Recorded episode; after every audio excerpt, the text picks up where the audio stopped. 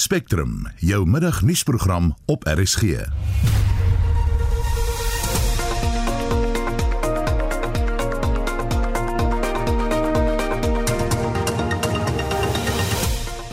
In 'n Spectrum die Pretoria se Hooggeregshof beslis dat Jacob Zuma se mediese parol onwettig was. Die Ooskaap kondig aan dat hy ook nou in die 4de golf van die COVID-19 pandemie is. We are saying we are ready, but of course, when we are saying we are ready, we are not saying people must be reckless. The people must continue to be vigilant. People must continue to protect themselves. En reddingspogings duur voort by 'n brandende gebou in Hong Kong. Welkom by Spectrum. My naam is Susan Paxton.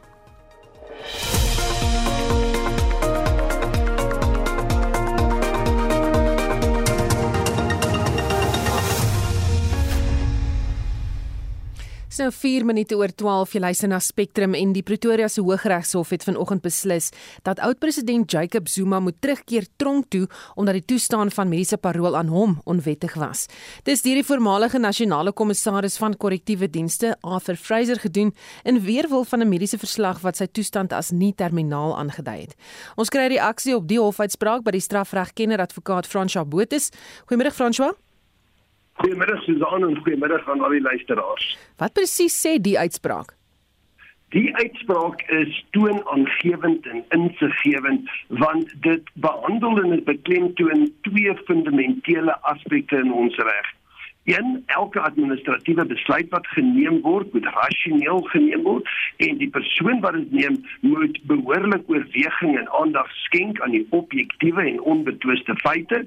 En twee, niemand is bo die reg verhewe nie. Met ander woorde, as daar nie behoorlike doelgerigte besluitnemingsproses geïmplementeer word nie, is 'n hof by magte om daardie besluit te hersien en te syde te stel.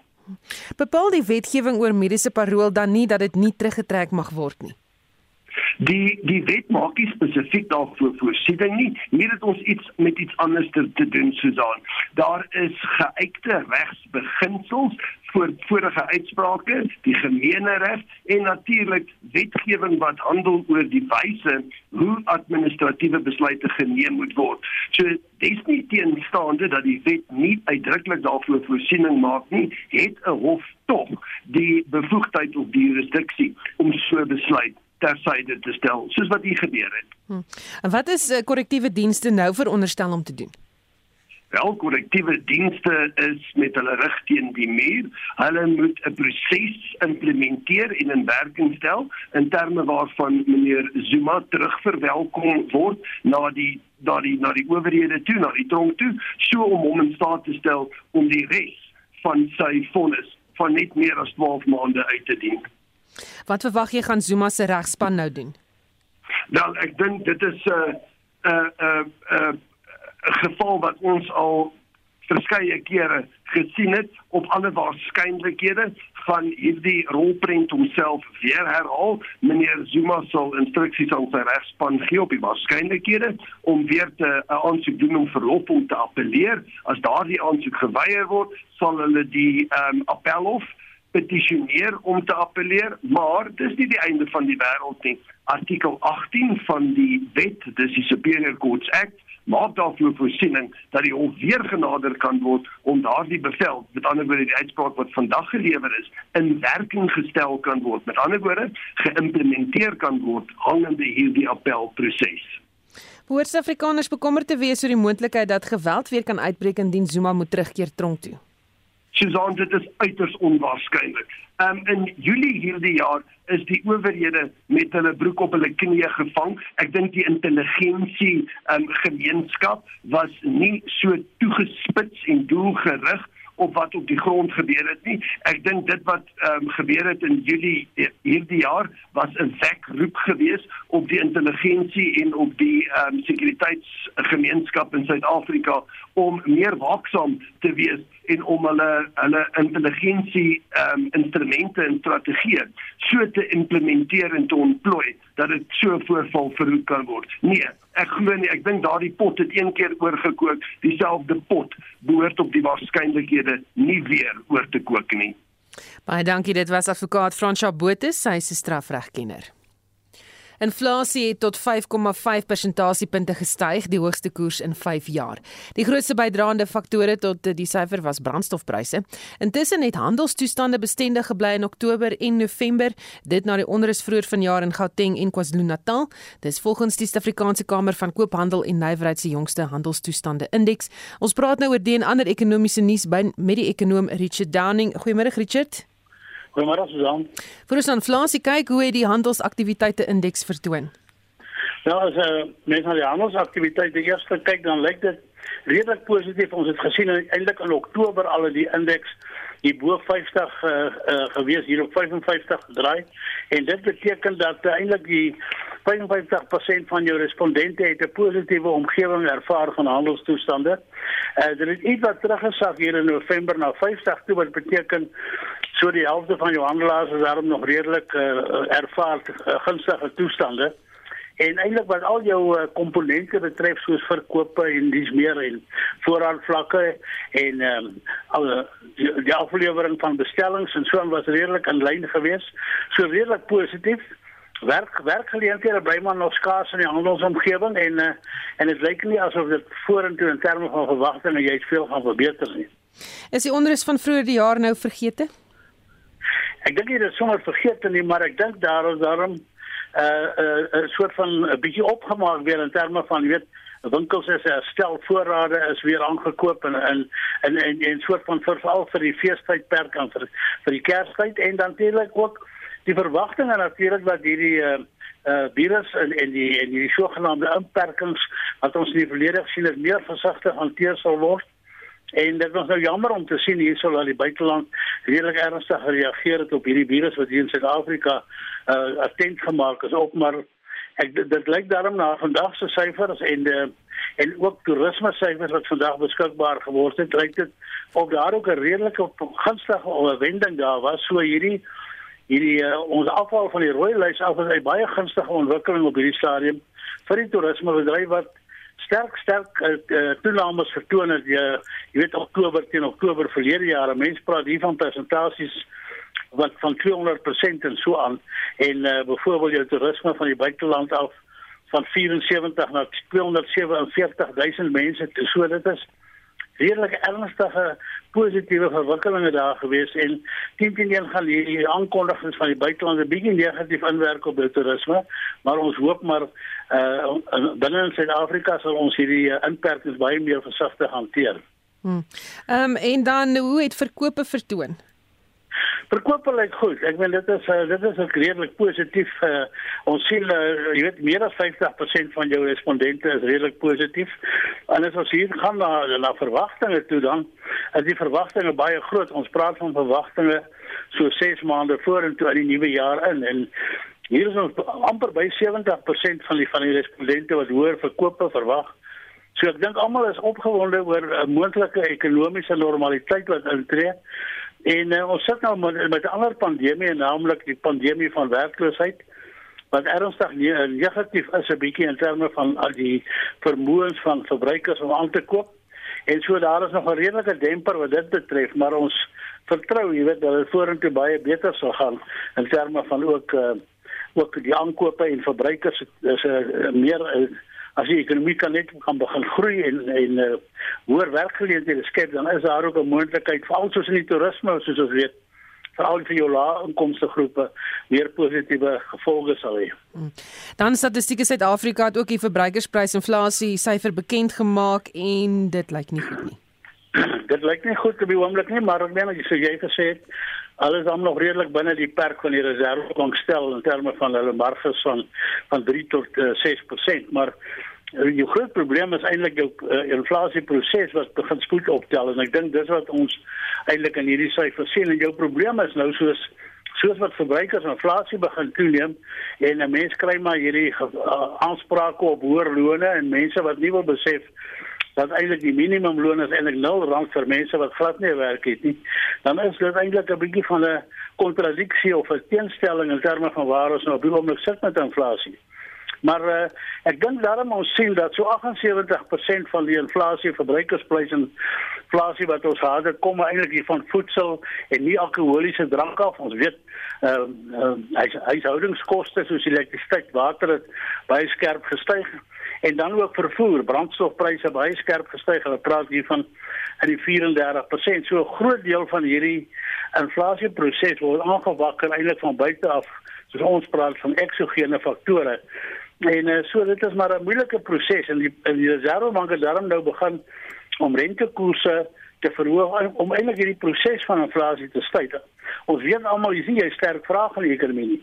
Maar aan die koste kant is daar redelike druk op jou besighede om om ook 'n bestaan te voer en 'n opbrengs op hulle beleggings te kry en dis waarmee mense doen dit op die uiteinde met die hele inflasieproses wat vir 'n ruk lank in die stelsel kan bly. So uh, wat voorspel dit uiteindelik dink jy vir uh, rentekoerse inflasie uiteindelik wat gaan gebeur? Ja, mens hoop nou maar weet rentekoerse nou ons sien met 'n kwart of per 2.5 persentasiepunte gestyg uh en uh, en en as 'n moontlikheid dan die hierdie tendens voortgesit word dat ou dalk 'n bietjie nog meer sal moet kyk na rentekoerse vir al die reservebank om jy se proses 'n bietjie in te hou en uh, as mens kyk na jou jou jou PPE produksiepryse, ek meen jou pryse by die fabriekshek, uh daai tipe pryse styg hier met omtrent 8%. Nou ons is baie opgewonde oor ons uh, hoë kommoditeitspryse met uitvoere wat betref en die natuurlik die die wisselvallige rand speel ook 'n rol in hierdie hele proses met hoë brandstofpryse en 'n swak rand en dit jaag die pryse nog verder op so. Mense hoop daar's 'n klompie faktore wat in plek kom En soos ons aangaan in die nuwe jaar en dat dinge daarom sal verbeter, maar op die oomblik het ons 'n redelike momentum in terme van so sien in die handelstoestande.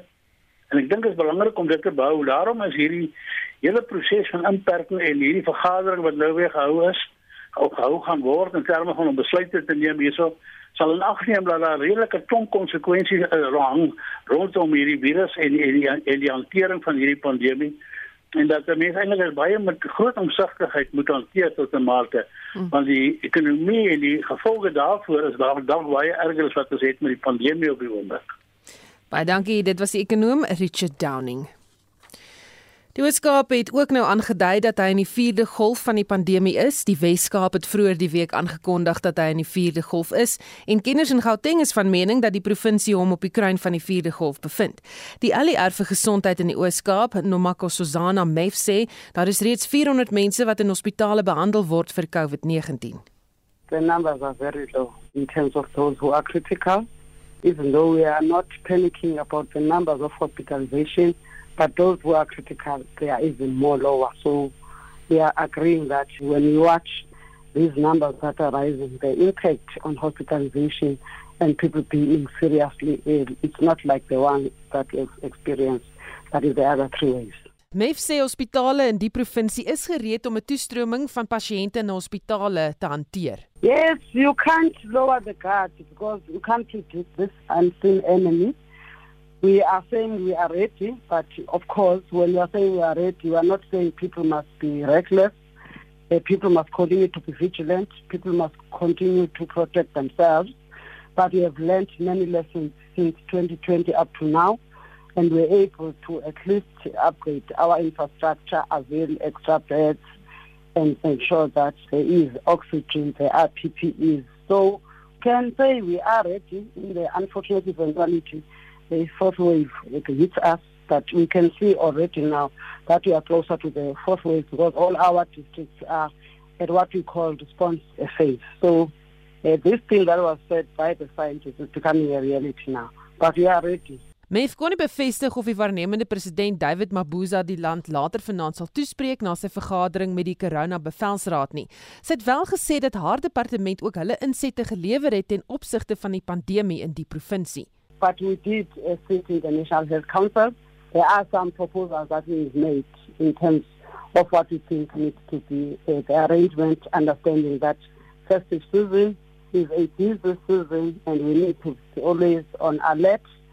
So we are expecting when the president uh, speaks, he will pronounce on what is going to be the next move in terms of us being uh, vigilant and in terms of us coming up with some measures to ensure that our people are safe.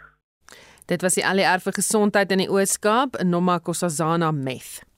Brittanje het Suid-Afrika en 10 ander lande van sy rooi lys van reisbeperkings verwyder. Suid-Afrika en meeste ander lande op die vasteland is laat November op die lys van verbode plekke geplaas om heen te reis, nadat dit rigbaar geword het dat 'n nuwe COVID-19 variant ontdek is. Brittanje sê dat die variant nou al so ver versprei het dat 'n reisverbod sinneloos is. Ons nou praat nou hieroor met professor Piet van der Merwe van die fakulteit vir ekonomiese wetenskappe by die skool vir toerismebestuur aan die Noordwes Universiteit. Goeiemôre Piet. Goeiemôre Susan, gaan dit goed? Met my gaan dit goed, maar uh, jou reaksie op die Britte se besluit oor die reisverbod en die redes hoekom hulle dit afgeskaf het? Man, ek is bly hulle is afgeskaf want ek dink in die begin as jy toe dit ingeskaf het was was dit dalk nie so nodig geweest nie. As jy gaan kyk as jy hoor wat sê die media was dit al in die buiteland ook. Ons het dit nou net hier so bevestig in ons land. So ek dink dit was 'n reaksie van hulle was bietjie oor oor reageer daar ten opsigte van dit maar ek is baie bly dat dit oopgemaak en ek ek dink dit is baie positief vir ons toerismebedryf. Maar die skade is reeds gedoen, reg?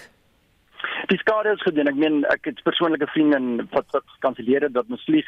Ehm um, so die skade is gedoen en en die ding is eh, die toerist of die die, die reisiger is ook versigtig want ou weet nie wat gebeur môre nie. Jy boek nie jou kaartjies en in oormôre dan stel hulle weer so iets in. So die ouens is so bietjie versigtig nou om te reis en en dit is sleg vir die toerismebedryf. En Dirkie het nou gesê Brittanje moet Suid-Afrika vergoed vir die skade wat aangerig is aan die toerismebedryf, maar kan hierdie sektor nou herstel? Die sektor kan herstel. Ek is positief oor die sektor en ek dink daar is mense wat graag wil reis. Ek dink veral um, oor ons goeie bande het met met weet baie van ons familiemense wat in Suid-Afrika het, familie het in Brittanje en so wil graag oor Kerstyd ek reis. So ek dink daai mark gaan nog steeds as hulle nou die geleentheid kry kan reis. Uh, wat ons positief is en en en 'n ou glo dat dat ou gaan 'n bietjie herstel sien in die buitelandse reis. Ehm um, ons ons ons sal kyk bietjie na Januarie, Februarie se kant toe. Onthou ons het nou met deel wat gevalle ook. Ek weet nie van ons van ander toeriste hoe hoe bang hulle gaan wees om te reis na Suid-Afrika toe nie oor ons getalle hoog is. Ehm um, want onthou as jy as jy reis en jy word in daardie land positief getoets, uh, dan gaan jy nog weer moet in kwarantyne gaan en en dit is vir die ouens se koste implikasie. Ehm um, en en dit is waar vir die ouens bang is. So ek ek glo ons ons ons mark met die met familie wat mense het in Engeland uh, gaan ons gaan ons sien dat mense nog gaan reis. Baie dankie. Dit was professor Piet van der Merwe van die fakulteit vir ekonomiese wetenskappe by die skool vir toerismebestuur aan die Noordwes Universiteit. In die afgelope 24 uur was daar opnuut 'n skerp toename in nuwe COVID-19 gevalle. 23884 mense het in die periode positief getoets. 24 sterftes is ook aangemeld. En vir meer oor die verwikkelinge rondom COVID-19 praat ons nou met Dr. Kloete van Vier en Infeksie Siekte Spesialist by 3 Militêre Hospitaal in Bloemfontein. Goeiemôre Kloete. Hallo Susan. Kom ons begin nou by die Britte wat 'n u-draai gemaak het. Was die reisverbod op Suid-Afrika ooit nodig? Wel, Susan, as al baie daaroor gesê. Ek dink sy net iets as daar kom altyd interessante ander goed uit. Die Suid-Afrikaanse Mediese Navorsingsraad uh neem ons nou hierdie rioolmonsters waar hulle kyk of hulle die goed kan opspoor en twee dae voor die aankondiging van hierdie nuwe variant in monsters wat geneem is by die Kaapstadse internasionale lughawe was daar reeds hierdie omikron teenwoordig in die monsters. Beteken toeriste wat vertrek van daar af het dit dan ek kan jou waarborg hulle gaan nie een of twee optel in hierdie reël monsters nou moes 'n hele klompie gewees het en as jy dan vat dat daar uh, ek dink in Heathrow daai week voor hulle die verbod afgekondig het so wat 20000 passasiers uit Suid-Afrika geland het Jy weet, toe iemand skree maak toe die stal weer was daai pers lankal al oor al wat te draad en drie plase verder. Uh dit was heeltemal te laat. Ja. Meer as 23000 mense het in die afgelope 24 uur positief getoets. Hoe bekommerd moet ons wees? Ja, kyk, dit is dit is 'n beduidende geval uh, aantal uh, pasiënte. Ek dink mens moet net elke ou interpreteer na die statistiek en almal trek grafietjies en goed. Ek dink mens moet maar hou by dit wat die Nasionale Instituut vir Oordraagbare Siektes doen. Want mense moet verstaan hoe en wanneer hierdie monsters versamel is en baie van dit word laat gerapporteer en hulle bring elke week 'n verslag uit wat hulle die laat rapportering in ag neem, die manier waarop die goed versamel is. Die punt van die saak is, Gauteng is baie hoog, maar dit plat af. Ehm um, die Weskaap en KwaZulu-Natal is besig om baie sterk te styg. Jy weet, en, uh, is dit nou hulle eie uitbraak of is dit die tom Gautengse toeriste wat hulle help om die ding op te stoot? Maar Susan, hier in die Vrystaat weet, het ons nie die toeriste nodig nie. Is seker nie toeriste nie. Ons doen dit sommer self.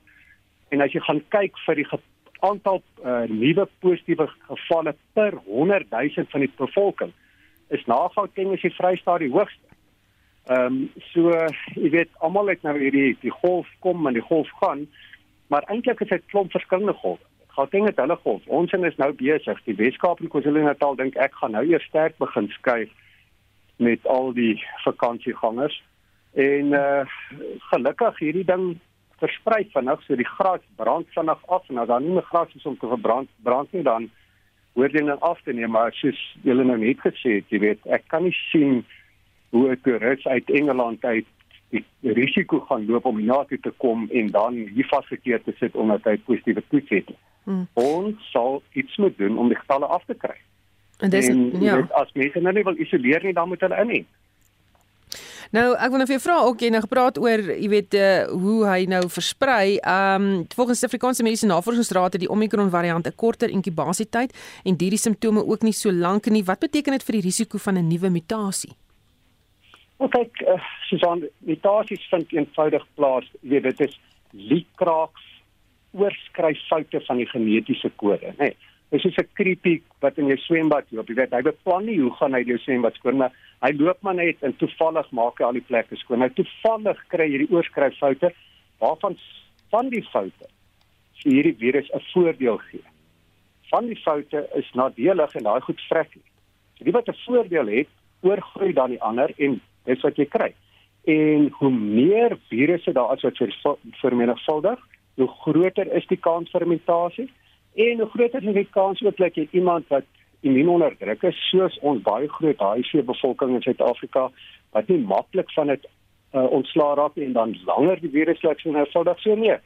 Hoe meer virusse daar is, hoe groter is die kans dat ons weer 'n mutasie gaan kry en behoed ons dat dit gebeur.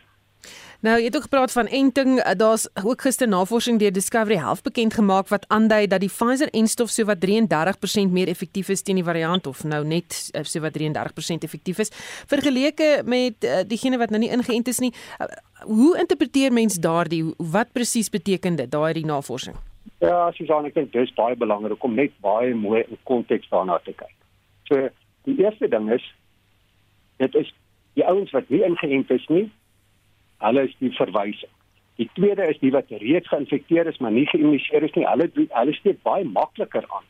Uh die die ouens wat infeksie gehad het as die ouens wat ingeënt is. En die ouens wat ingeënt is, het hierdie 33% beskerming wat baie laag klink. Maar onthou, die beskerming teen hospitalisasie is 70% wat uitstekend is. Dit is tog wat ons wil hê. Uh en ek dink die sleutel hierso is ons het gepraat van die novel coronavirus, 'n nuwe coronavirus. So niemand het immuniteit nie ernstige siekte. Ons sit nou in 'n situasie waar geweldig baie mense of voorheen geïnfekteer is of geïmmuniseer is en as gevolg daarvan antiliggame. En dit maak dis waarskynlik 'n belangrike rede hoekom ons nie so baie ernstige siektes en sterftes sien. Jy weet jy dan ek moet vir jou sê in die hospitaal het ons baie mense wat siek is en wat toevallig positief toets wat inkom vir knievervanging of iets en hulle is die ons wat ingeënt is. Die ons wat opgeneem word is by uitstek mense wat nie geïmmuniseer is. Ehm um, en soos ons al baie gesê het op jou program. Almal van een of ander tyd hulle antiliggame kry teen COVID. Ons het nou 'n natuurlike infeksie is of met die vaksin. Dit is 'n ding wat seker een van die veiligste farmaseutiese middels is wat nog gebruik is ehm um, wat baie effektief is. En as ons ons ekonomie aan die gang wil hou of weer aan die gang wil kry, dan moet ons hierdie simpel ding nou stop. En jy doen dit deur in te en, en terwyl ons wag vir inentings om te werk, dan moet jy maar net keer dat jy aansteek en en dit is waar hierdie vermyding van van 'n samedrong van mense binne ons huis inkom. Ja. Baie dankie. Dit was 'n infeksie siekte spesialis by 3 Militêre Hospitaal in Bloemfontein, Dr. Kloete van Vieren.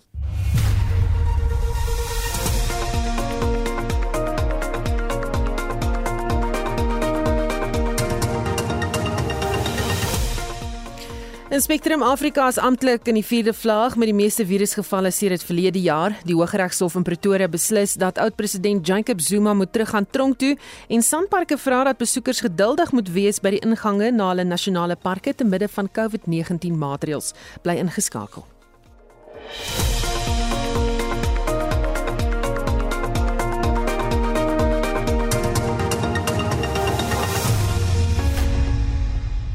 1233. Die gemeenskap van Kliprand in die Matsikama munisipaliteit in die Wes-Kaap keer stadig terug na normaal nadat die hele dorp onder kwarantyne geplaas is. Gesondheidsowerhede het die bevolking van minder as 250 mense onder kwarantyne geplaas nadat 10% positief getoets het vir COVID-19. Daar is vasgestel dat daar 'n positiewe geval in elke huishouding was. Gemeenskapsleiers sê hulle hoop dat die vierde golf van die virus nie hierdie diep landelike deel van die provinsie sal bereik nie. Winsie Mofokeng het meer. Nadat positiewe gevalle in Junie vanjaar tot 30 infeksies toegeneem het, het inwoners geweet drastiese optrede is nodig. Die dood van 3 inwoners binne 4 dae het die hegte gemeenskap verwoes. Die departement van gesondheid het toe 'n streng inperking geïmplementeer. Niemand is toegelaat om hul eiendom vir 2 weke te verlaat nie. Nou, maande later, is die lewe stadig aan besig om terug te keer na normaal. Die skoolhoof, Ari Kloete, sê die meeste mense is nou ingeënt. Ja, kom ek sê amper 90% is gekover op hierdie stadium wat die wat die inspuiting betref. Ons het nou ons laaste groepie 12 jaar en ouer leerders gehad by ons skool. Dis meer jou graad 6, graad 7 ouetjies.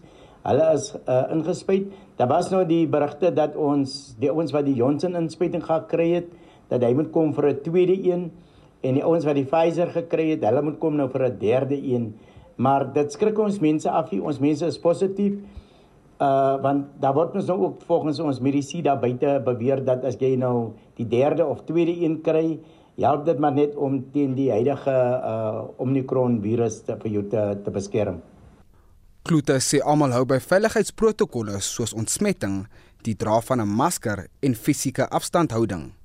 'n Inwoner, Malray Jantjies, sê hulle wil nie 'n herhaling van die gebeure in Junie hê nie. Soos die een dame was my vriendin, ek ly op die oomblik aan depressie want ek kan dit nie verwerk nie. Ek kan dit nou nog nie verwerk nie, maar ek werk daaraan, sien jy. Maar dit was te gou en te skielik en jy kan nie van iemand trosie of net jy moet hom net sê eh, sterk wees. Jy kan hom nie 'n drukkie gee nie en as iemand huil of wat, jy kan hom nie vashou soos ons gewoonlik doen nie. Die humanitêre organisasie Gift of the Givers en kerke het tot die redding gekom en kos en ander voorrade afgelewer. Die provinsiale bedryfshoof van die departement van gesondheid, Dr Sadiq Karim. The town of Kliprand in the Machikama municipality has around 250 residents, of whom around 201 are eligible for the vaccination.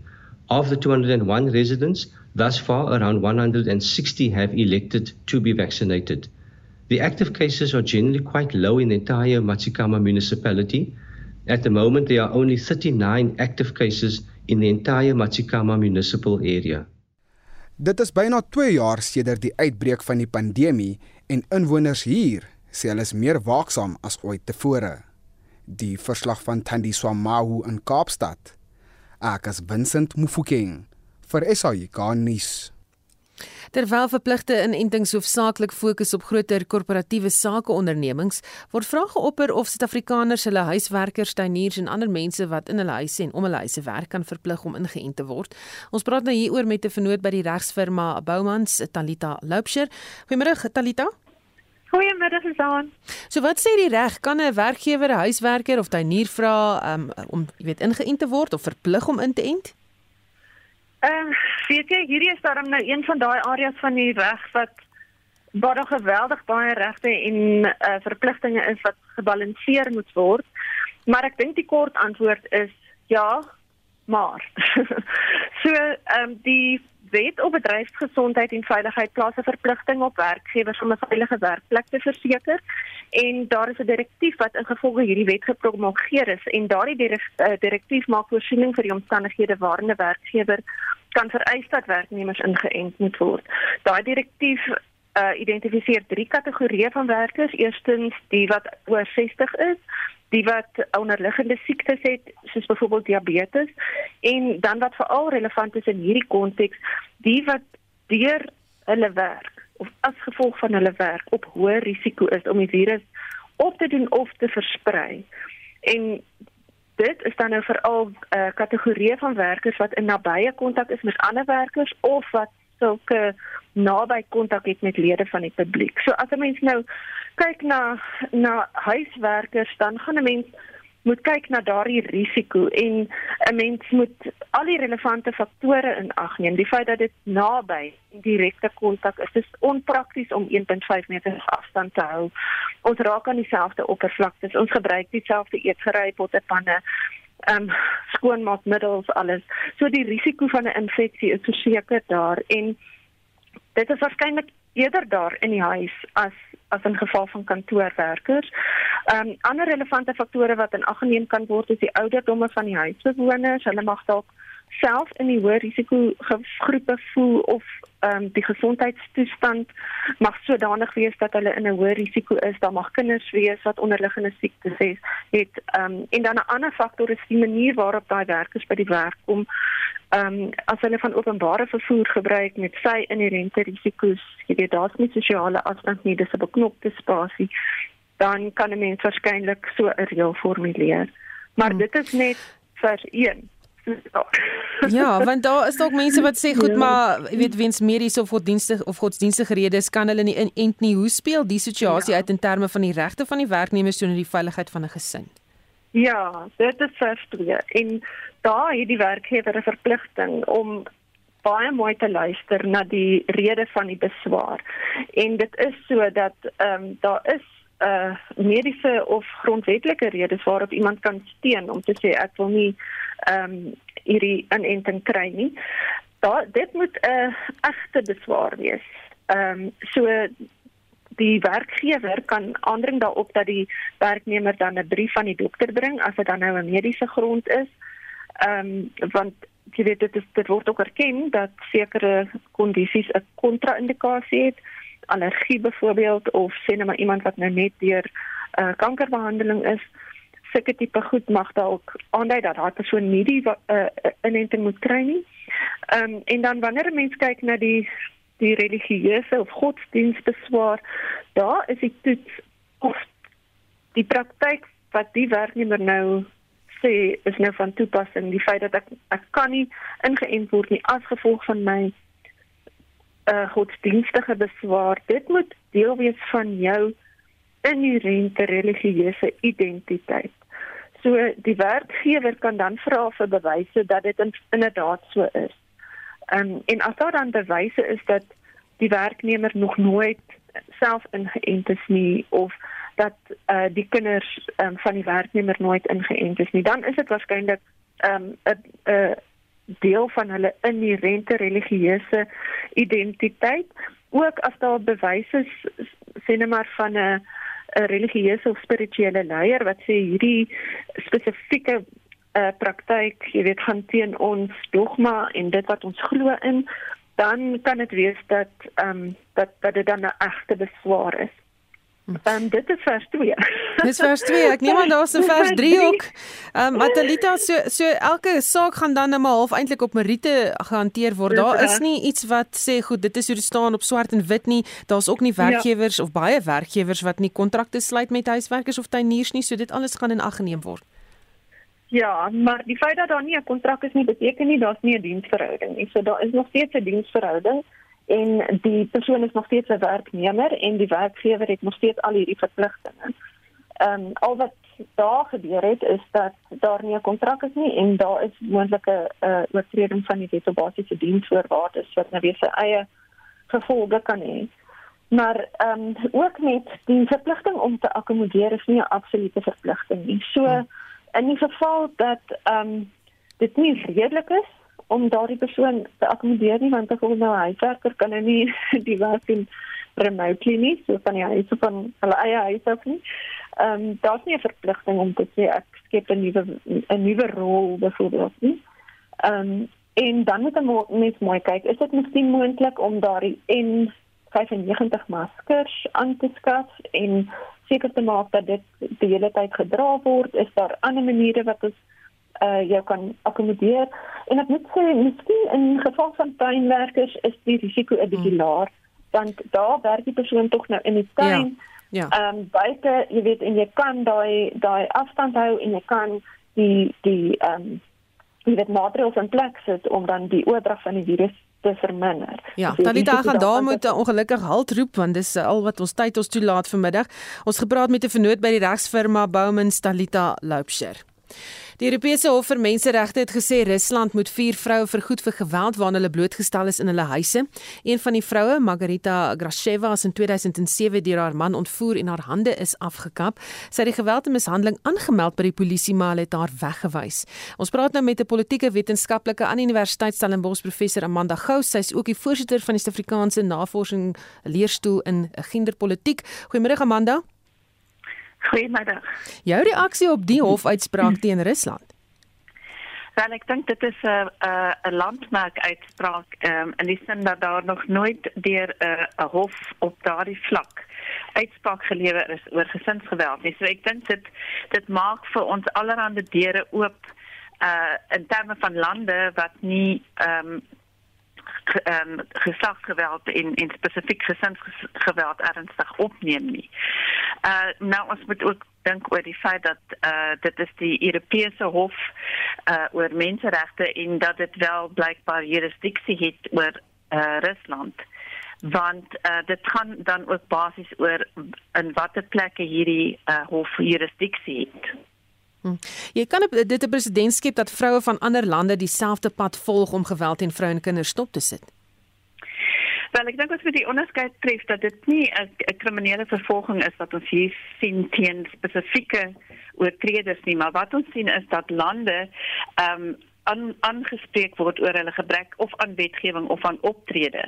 Uh so in in die vergoeding beteken dit is op 'n siviele uh vlak.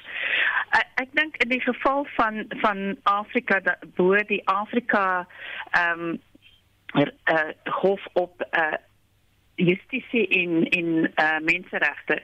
So ons het so 'n hof, die Afrika Hof op Justisie en Menseregte, ehm um, is die plek waar mense dan sou gaan kyk of hulle soortgelyke ehm um, optrede, jy weet, uh, lande wat wat uh, nie uh, voldoen aan die standaarde uh, wat nodig is nie of hulle bereid is om um, hierdie lande dan uh, verslag of vergoeding uh, te beding. En ek dink dit is die probleem uh, met met Afrika howe is is hulle bereid om so ver te gaan want hierdie is nog al verrykend jy weet 'n um, hof spreek nou basies 'n land aan en Rusland het al klaar gesê hulle kan nie verantwoordelik gehou word vir wat mense in die privaatheid van hulle huise doen nie hm. So ek dink ons sal weer daai hele ou argument moet hê oor wat is privaat en wat is nie privaat nie. Ja. Maar dink jy dat vroue hier so iets sal oorweeg want histories is daar die idee dat die howe byvoorbeeld howe daar bevooroordeel is teen Afrika lande en sy inwoners? Ja, dis hoekom ek sê dit dan oor wie wie se jurisdiksie eh uh, dit is nie en eh uh, as ons nou praat van die internasionale kriminele hof eh uh, dan het dit jurisdiksie oor die oor die hele wêreld en dit is die een hof wat die wat Afrika lande voel baie ehm um, biased is teen teenoor ehm um, Afrika lande. Uh en, en met ander woorde dit aanvaar basies nie daardie jurisdiksie nie, maar die Europese Hof vir Menseregte het nie jurisdiksie oor Afrika nie. So dit sal 'n basis die Afrika Hof moet wees. En ek dink jy weet eh, die die Europese Hof het nou vir ons ehm, 'n um, president geskep. So as vrouens bereid is en ek dink dit sal nou ook die die regs geleerdes ehm um, die, die wie is wat hierdie mense verteenwoordig uh, wat hierdie sake sal moet maak. Maar uh, die vraag is sal hierdie howe bereid wees om dit aan te hoor? Baie dankie. Dit was 'n uh, politieke wetenskaplike aan Universiteit Stellenbosch professor Amanda Gous Ondanks omstredenheid wat net nie wil gaan lê nie, is die benoemings vir die volgende Golden Globe toekenningspas bekend gemaak. Die vroue regisseur Jane Campion se Wilde Weste rolprent The Power of Dog is die voorloper met 7 benoemings. En vir meer hieroor praat ons nou met 'n dosent in filmstudies by die Vanderbijl kampus van die Noordwes Universiteit, Phil Pretorius. Goeiemôre Phil. Goeiemôre, Jan. Hoekom is die Golden Globe steeds in omstredenheid gehul? Ja, jy moet onthou dat hierdie Hollywood mense se sentrale besigheid is mos vermaak. So hulle sal sommer dans en sing ook as hulle met simbole en vuurwerke hierdie Golden Globes kan uh, teenstaan. Uh maar hulle dink dat 'n uh, uh, geldige punt. Ehm um, wat gebeur het is dat die Hollywood Foreign Press Association of die HFPA ehm um, hulle bestaan al, al geruime paar jare as internasionale media verteenwoordigers wat ehm um, dan nou natuurlik rapporteer oor oor films en die die industrie. En hulle deel die Golden Globes uit. Nou ehm um, wat gebeur het by die vorige ehm um, Golden Globes is dat uh, Tina Fey het op die verhoog as aanbieder gestaan en gesê hoogmat, maar daar is nie 'n enkele van hierdie 87 mense wat lede is wat van die gekleurde uh, bevolking afkom nie. En na dit het daar 'n herrie oopgebars en uh, natuurlik het ehm um, hulle toe nou hulle bes probeer om hierdie storie te smoor, maar mense so Shonda Rhimes en Scarlett Johansson en Tom Cruise het almal op die ehm um, karretjie geklim en hulle het gesê maar nou gaan hulle nie meer hierdie storie verder ondersteun nie.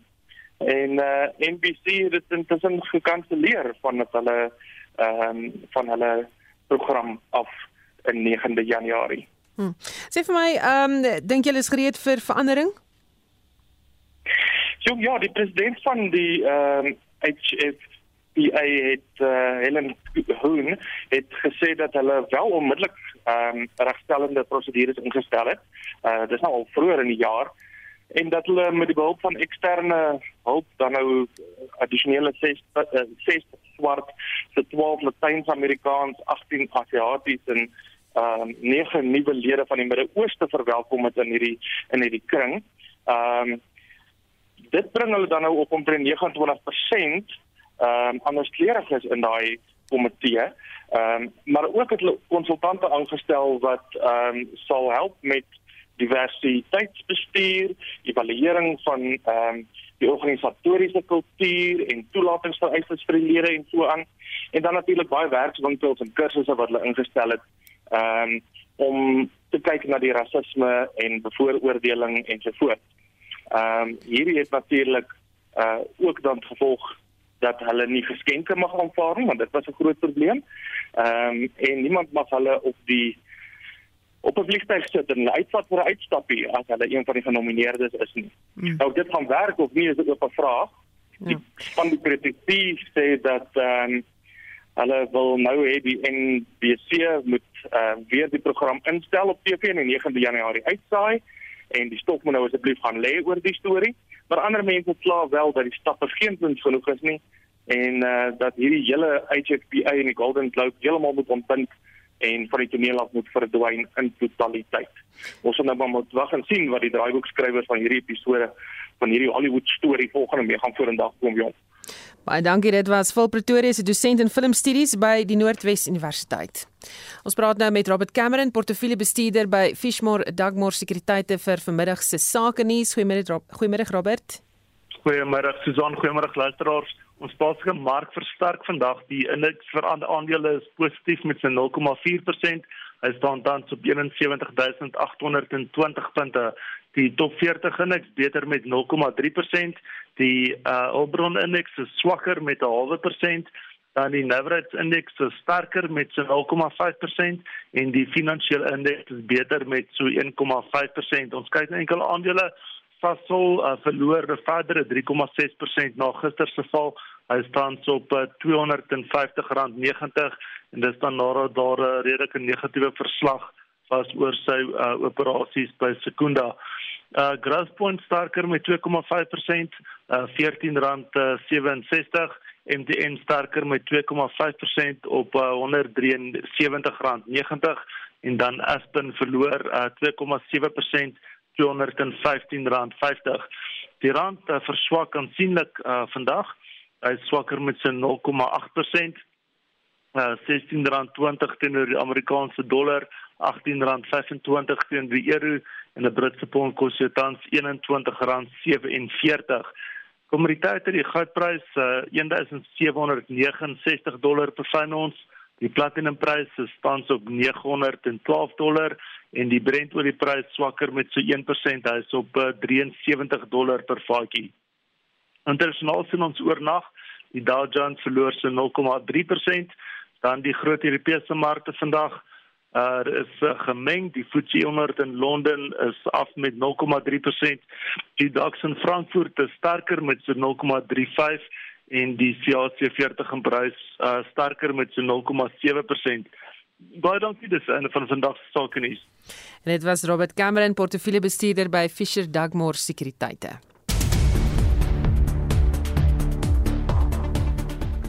En Jamari hou vir ons 'n oog oor die dag se ontwikkelende nuus en sosiale media stories. Die Hooggeregshof in Pretoria het beslis dat die voormalige president Jacob Zuma terugtronk toe moet gaan omdat die voormalige kommissaris van korrektiewe dienste Arthur Fraser se besluit om Zuma op mediese parol vry te laat onwettig was.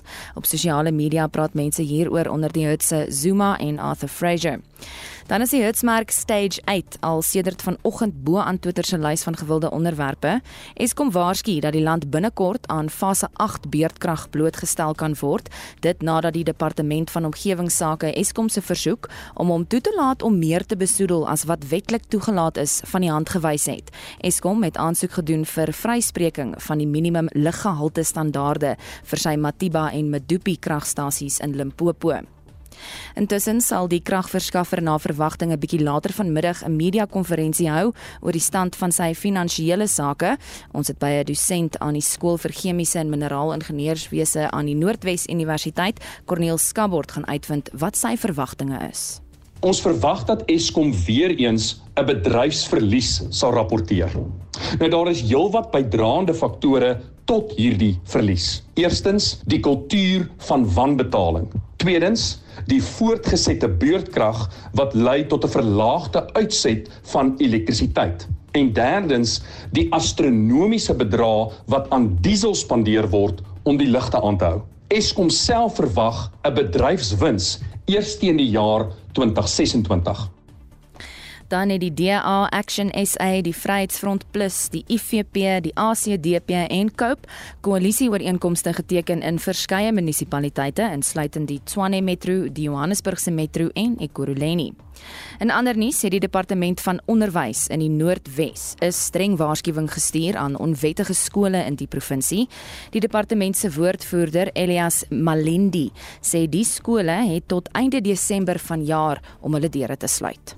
These are unregistered private or independent schools that are aimed at derailing the future of our learners and have a negative effect on their academic records and to a great extent contributing to a learner dropout. I make this call to the Northwest community to come forward and report these schools. These illegal schools must close shop now and for good. Otherwise, in January 2022, the department acting jointly with the South African Police Service will embark on a full blown campaign to identify and close these illegal schools. Dan herinner die N3 tolkonsessie se woordvoerder Tanya Dugra dat verkeersvolumes op die N3 na verwagting vanaf vanmiddag sal toeneem.